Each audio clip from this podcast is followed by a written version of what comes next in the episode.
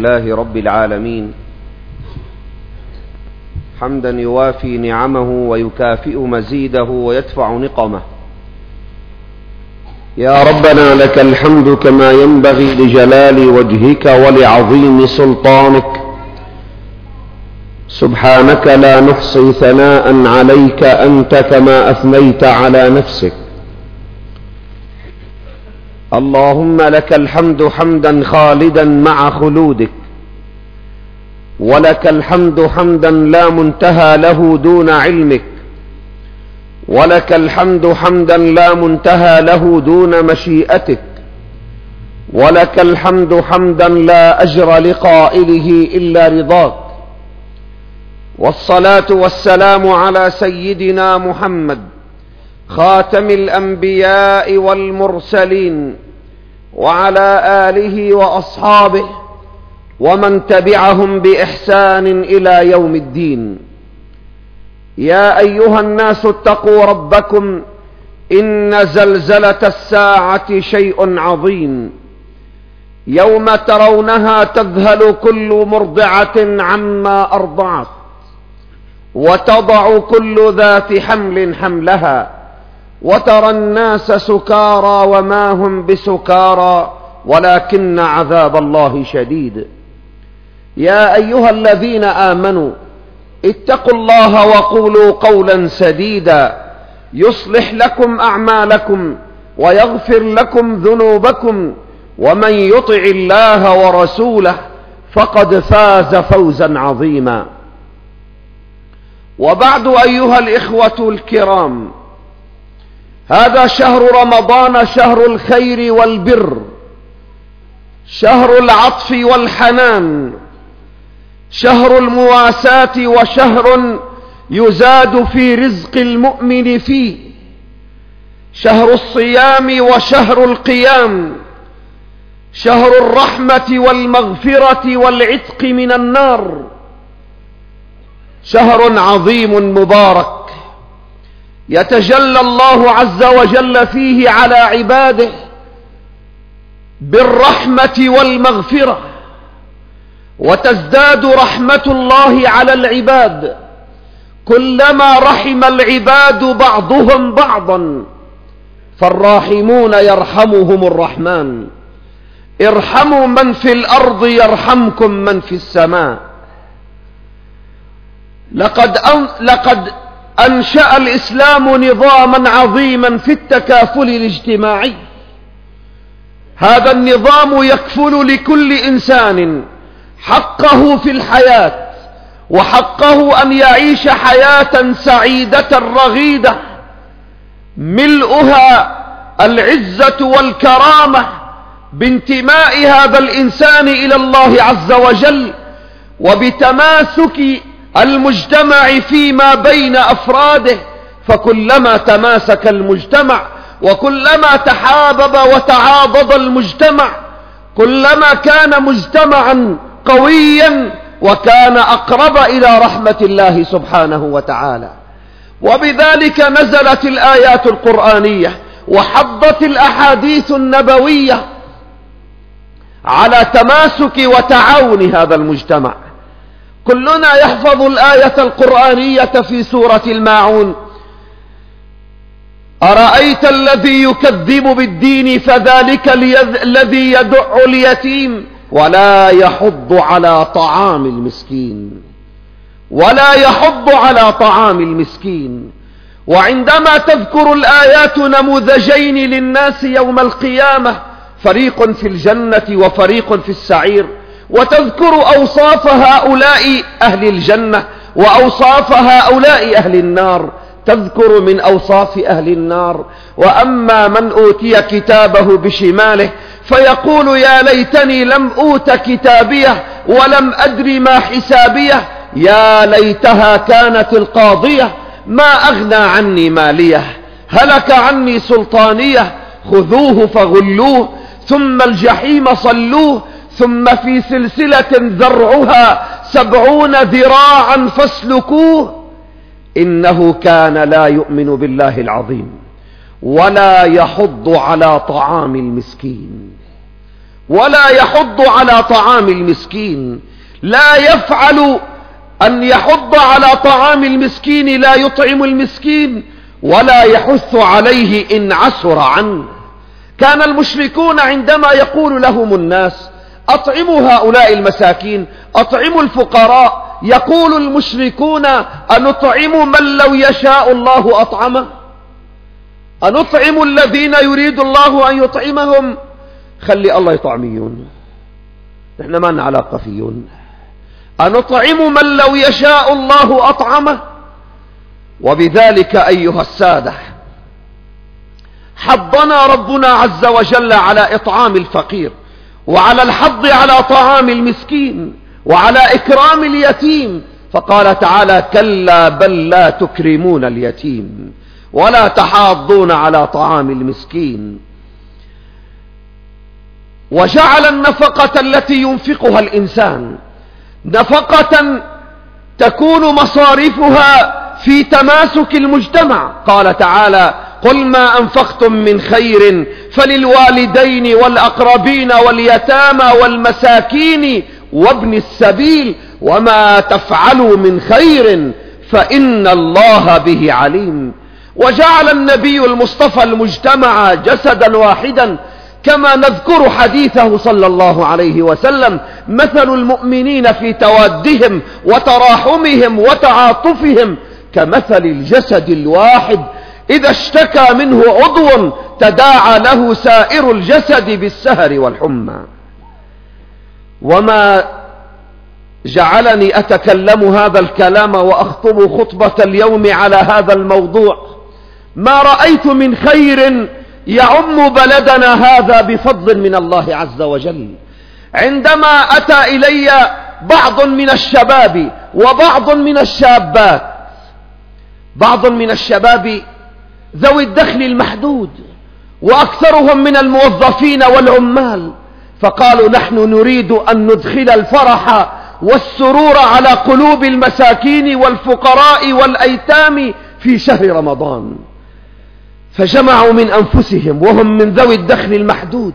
جمعوا من بعضهم أموالا قليلة بالمئة والمئتين حتى جمعوا قليلا من المال فنزلوا إلى السوق فاشتروا رزا وسكرا وسمنا فإذا به بهم يوزعونه بأنفسهم يقومون على تقسيمه ثم على توزيعه وإذا بهم من يساعدهم ممن معه سيارة فيدخلون إلى البيوت ويعطون الفقراء والمساكين كما قامت بعض من الشابات جزاهن الله خيرا بتجميع مال من أنفسهن هذا مظهر من مظاهر الحضارة أيها الإخوة.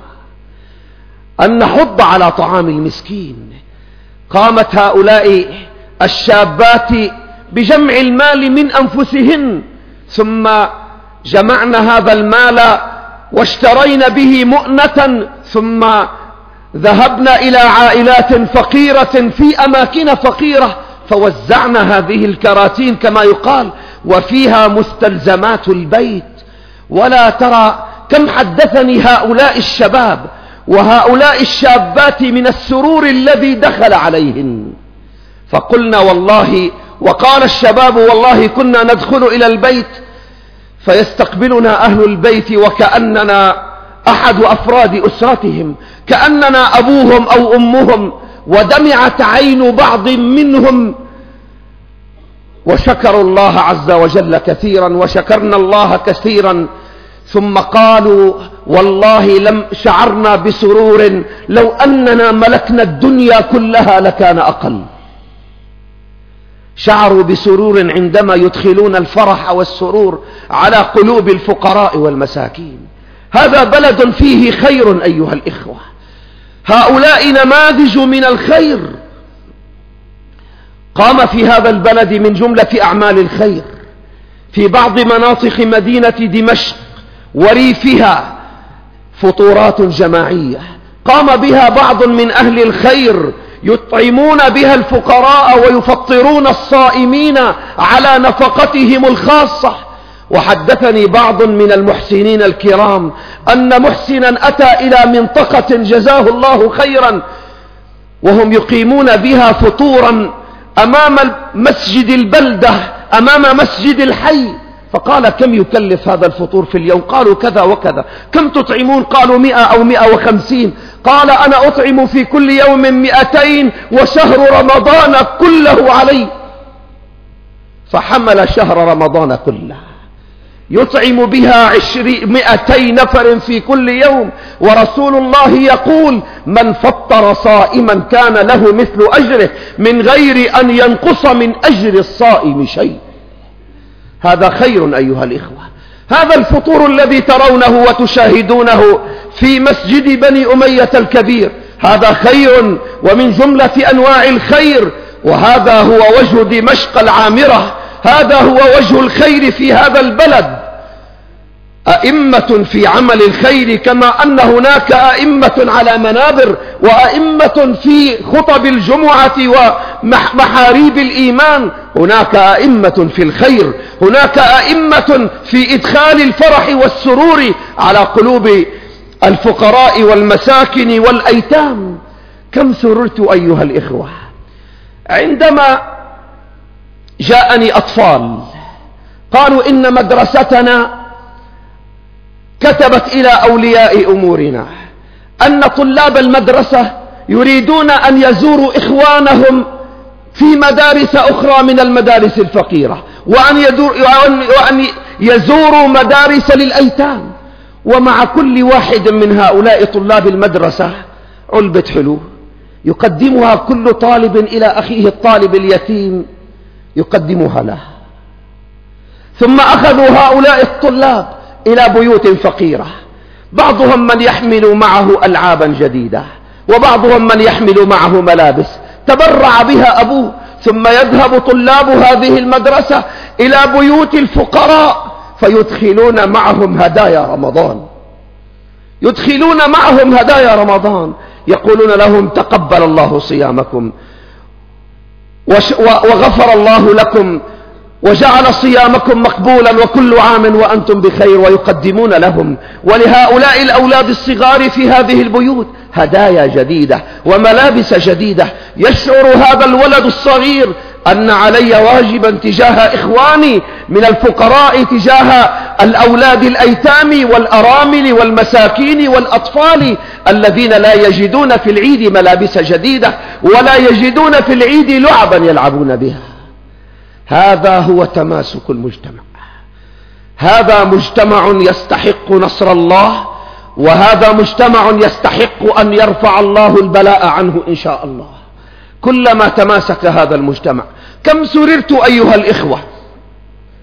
عندما يأتي أحد المحسنين إلى جمعية خيرية للأيتام أو لطلاب العلم الشرعي يريد أن يفطر هؤلاء يوما في الشهر ثم تقول له الإدارة والله كل شهر رمضان مسكر عنا قبل رمضان بعشرة أيام أو عشرين يوما كل رمضان مسكر. أخذه المحسنون. ثم يقول يا أخي دبروا لي يوم فإذا بهم يبحثون ليسحر هؤلاء الطلاب. انتقل من الفطور إلى السحور. ويمتلأ أيام السحور في شهر رمضان. هذا خير. ويتنافس الناس على عمل الخير. يتنافسون على إطعام الطعام في شهر رمضان. ولكن أشار إلي بعض المحسنين جزاه الله خيرا. من القائمين على الجمعيات الخيرية للأيتام أو لطلاب العلم أو الجمعيات الخيرية القائمة على إطعام الفقراء. قال لي إن هؤلاء الفقراء والأيتام وطلاب العلم لا يأكلون في رمضان فقط ويصومون في غير رمضان. إنهم يريدون إحسانا عليهم في كل السنة. فكما نحسن لهم في رمضان. وصحيح أن الصدقة في رمضان أفضل من الصدقة في غيرها كما أورد الترمذي في صحيحه عن رسول الله صلى الله عليه وسلم أنه قال أفضل الصدقة صدقة في رمضان. ولكن إذا تصدق الإنسان في رمضان وبعد رمضان فهذا خير كبير أيها الإخوة الأكارم. عندما يكون المجتمع كذلك فيه أئمة من عمل الخير. ولئن سألتم عن هؤلاء أئمة عن هؤلاء الأئمة في عمل الخير رغم شغلهم وتجارتهم وصناعتهم يقومون على رعاية الفقراء ويقومون على رعاية المساكين ويقومون على رعاية الأيتام. قال نبينا محمد صلى الله عليه وسلم الساعي على الأرملة والمسكين كالمجاهد في سبيل الله. كالمجاهد في سبيل الله أو كالقائم الليل الصائم النهار فإن استطعت أن توصل صدقتك إلى الفقير فبها ونعمت. وهذا خير ما تفعله وإن لم تستطع فأوكل هذا المال إلى من تثق به ليوصل مالك هذا إلى فقير أو إلى مسكين أو إلى أرملة أو إلى يتيم فإذا رفع يديه فقال اللهم اجبر خاطر من جبر خاطري. يكون ذلك دعوة من إنسان مسكين دعوة من إنسان فقير. ورسولنا يقول إنما ترزقون وتنصرون وتجبرون بضعفائكم. هذه أيام المواساة أيام الخير أيها الإخوة. أيام عمل الخير أيام الإنفاق في سبيل الله. كم تدمع عينك؟ وكم تشعر بالفضل من الله عز وجل أن الخير باق في هذه الأمة. عندما أسمع عن عامل يعمل في معمل يتقاضى راتبا ستة آلاف في الشهر ولا يملك غير راتبه الشهري لا يملك غيره. ثم يقول جاء شهر رمضان شهر الخير شهر البر. سأقسم الراتب نصفين. نصف الراتب أتصدق به ونصفه الثاني آكل وأشرب به. يقول في كل يوم سأتصدق عند الفجر بمئة ليرة. ثلاثين يوما ثلاثة آلاف ليرة. يتصدق بنصف راتبه وهو لا يملك غيره. ألا ترون أن مثل هذا الشاب جدير بأن تعتق رقبته من النار؟ ألا ترون ذلك؟ وهو الذي يقسم راتبه إلى نصفين ثم ينفق نصف ما يملك. ينفق نصف ما يملك. هذا خير أيها الإخوة. هذا خير يعاون به إخوانه من الصالحين. وتعاونوا على البر والتقوى ولا تعاونوا على الإثم والعدوان. كم جعل النبي المصطفى صلى الله عليه وسلم المسؤولية كبيرة علينا جميعا عندما نبيت وحولنا فقراء وحولنا جيران جياع. قال عليه الصلاة والسلام ما آمن بي ساعة من نهار من بات شبعانا وجاره إلى جنبه جائع وهو يعلم. ثم قال عليه الصلاة والسلام في حديث آخر أيما أهل عرصة أي مكان أصبح فيهم امرؤ جائعا. يعني فلم يكفوه. إلا برئت منهم ذمة الله. برئت منهم ذمة الله. لأنهم لم يكفوا هذا الجائع لم يشبعوا هذا الجائع. والحديث القدسي الصحيح يقول ابن آدم مرضت فلم تعدني. قال يا رب كيف أعودك وأنت رب العالمين؟ قال مرض عبدي فلان ولو عدتني لوجدتني عنده. قال يا ابن آدم استطعمتك فلم تطعمني. قال يا رب كيف أطعمك وأنت رب العالمين؟ قال استطعمك عبدي فلان ولو أطعمته لوجدت ذلك عندي. استطعمك عبدي فلان ولو أطعمته لوجدت ذلك عندي. يا معاشر الإخوة هذا شهر رمضان شهر المواساة شهر البر والعطاء شهر الخير والإنفاق. فإيانا أن يبخل واحد منا من ماله فإن الله عز وجل يمسك علينا رحمته ويسلط علينا أعداءه ويسلط علينا أعداءنا. ورسول الله أوصى السيدة عائشة بقوله يا عائشة لا توكي فيوكي الله عليك لا تربطي كيس المال ولا تنفقي منه فإن الله عز وجل يربط كيس المال عنك. فلا يعطيك ولا يمنحك ولا يرزقك يا عائشة لا توكي فيوكي الله عليك. أنفق بلال ولا تخشى من ذي العرش إقلالا. اعلم أخي المؤمن أن كل قرش تنفقه كل ليرة تنفقها. يعوض الله عز وجل عليك بها أضعافا كثيرة. وما أنفقتم من شيء فهو يخلفه. هذا قانون إلهي. وما أنفقتم من شيء فهو يخلفه. وهو خير الرازقين. يا معاشر السادة قال نبينا عليه الصلاة والسلام إن في الجنة غرفا. يرى ظهورها من بطونها وبطونها من ظهورها. قال الصحابي لمن هذه يا رسول الله؟ لمن هذه الغرف؟ قال لمن طيب الكلام وأطعم الطعام وأدام الصيام وصلى بالليل والناس نيام لمن طيب الكلام وأطعم الطعام. وإذا فطرت صائما غنيا أو فقيرا فالحديث مطلق عام. من فطر فيه صائما إذا فطرت صائما غنيا كان لك أجر. كان لك أجر. فكيف إذا فطرت صائما فقيرا؟ كيف إذا فطرت صائما فقيرا؟ فعلينا أيها الإخوة في هذا الشهر المبارك أن نجود على الفقراء والمساكين وأن ندخل الفرح والسرور عليهم. يدخل الله الفرح والسرور على بيوتنا ويدخل الله الفرح والسرور على قلوبنا ويجعل أمتنا أمة متماسكة وأمة في لحمة واحدة يرفع الله البلاء عنها وينزل الرحمة عليها. أرأيت الذي يكذب بالدين؟ فذلك الذي يدع اليتيم ولا يحض على طعام المسكين. فإذا لم تستطع أن تطعم المسكين فحض الناس. وحفزهم على أن ينفقوا على المسكين. وقل لهم إن مساكين في مكان كذا في مكان كذا. علينا أن نساعدهم وعلينا أن نجلب لهم أغراضا وعلينا أن نقوم برعايتهم. عند ذلك لم تفعل أن تكون ممن يطعم المسكين فكن ممن يحض على طعام المسكين. فإذا فرحت عندما تطعم مسكينا أو عندما ترفع عنه مشكلة حدثني أحد الناس أنه أدخل فرحا أو سرورا على عائلة فإذا بالأم تبكي تقول له لا أستطيع أن أشكرك. ما لي عرفاني كيف بدي أشكرك؟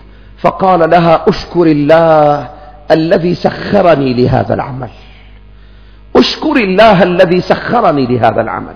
ولا تعلمون أيها السادة وقلت أكثر من مرة على هذا المنبر إن السرور الذي يصيب الفقير والمسكين عندما تنفق عليه يصيبك أكثر منه تسر أكثر عندما تطعم الفقراء.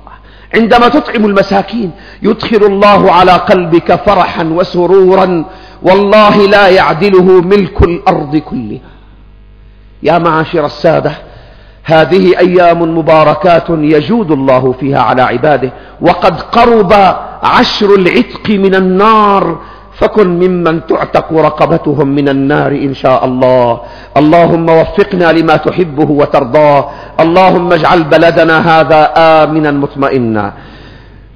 اللهم ارفع البلاء والغلاء عن هذا البلد المبارك يا رب العالمين.